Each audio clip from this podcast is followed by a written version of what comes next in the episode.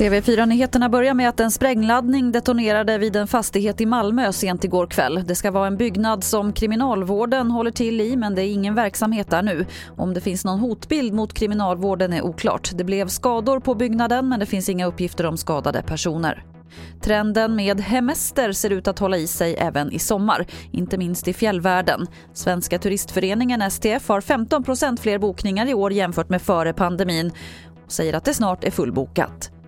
Folk vill komma ut, man vill uppleva äventyr, man vill vara aktiv på semestern. Och att vår natur och vår fjällmiljö här uppe är attraktiv, det vet vi. Sen har vi fått en extra skjuts av just pandemin och de restriktioner och rekommendationer att resa och stanna kvar hemma i Sverige. Det sa Marit Sarri på STF vid Kebnekaise fjällstation. Till sist kan vi berätta att klimataktivisten Greta Thunberg blir staty.